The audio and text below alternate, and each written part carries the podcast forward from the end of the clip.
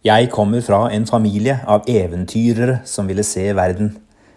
Afrikamisjonærer på alle kanter. Onkler og tanter og foreldre. Kona mi er også datter av afrikamisjonærer. Selv valgte vi Brasil, der vi arbeidet som menighetsplantere i seks år. Men nå skal det handle om mitt fødeland, Madagaskar, der storebroren min fortsatt bor og arbeider som misjonær. For en del år siden tilbrakte jeg noen uker sammen med han. Høydepunktet var nok besøket i omsorgsbyen Ankara Malasa. Hit kommer flokker av pasienter. De behandles både for psykiske sykdommer og åndelige problemer. Oppsiktsvekkende mange blir friske. Det skjer med en miks av bønn og terapi som nok er fremmed for norsk helsevesen.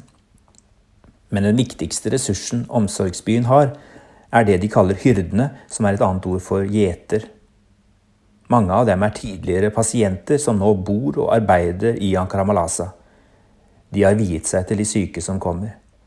Det aller første som skjer når en pasient ankommer Ankara Malasa, er at de får tildelt en slik hyrde.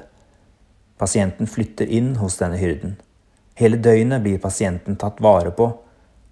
Bønnesamlingene og behandlingen ellers er helt sikkert viktige, men jeg tror den høye helbredelsesprosenten i stor grad skyldes hyrdene som sørger for at pasientene aldri går alene. Hver enkelt blir sett, verdsatt og vist omsorg 24-7. Dikteren Hans Børli sier det slik. Ett er nødvendig her i denne vår vanskelige verden av husville og heimløse.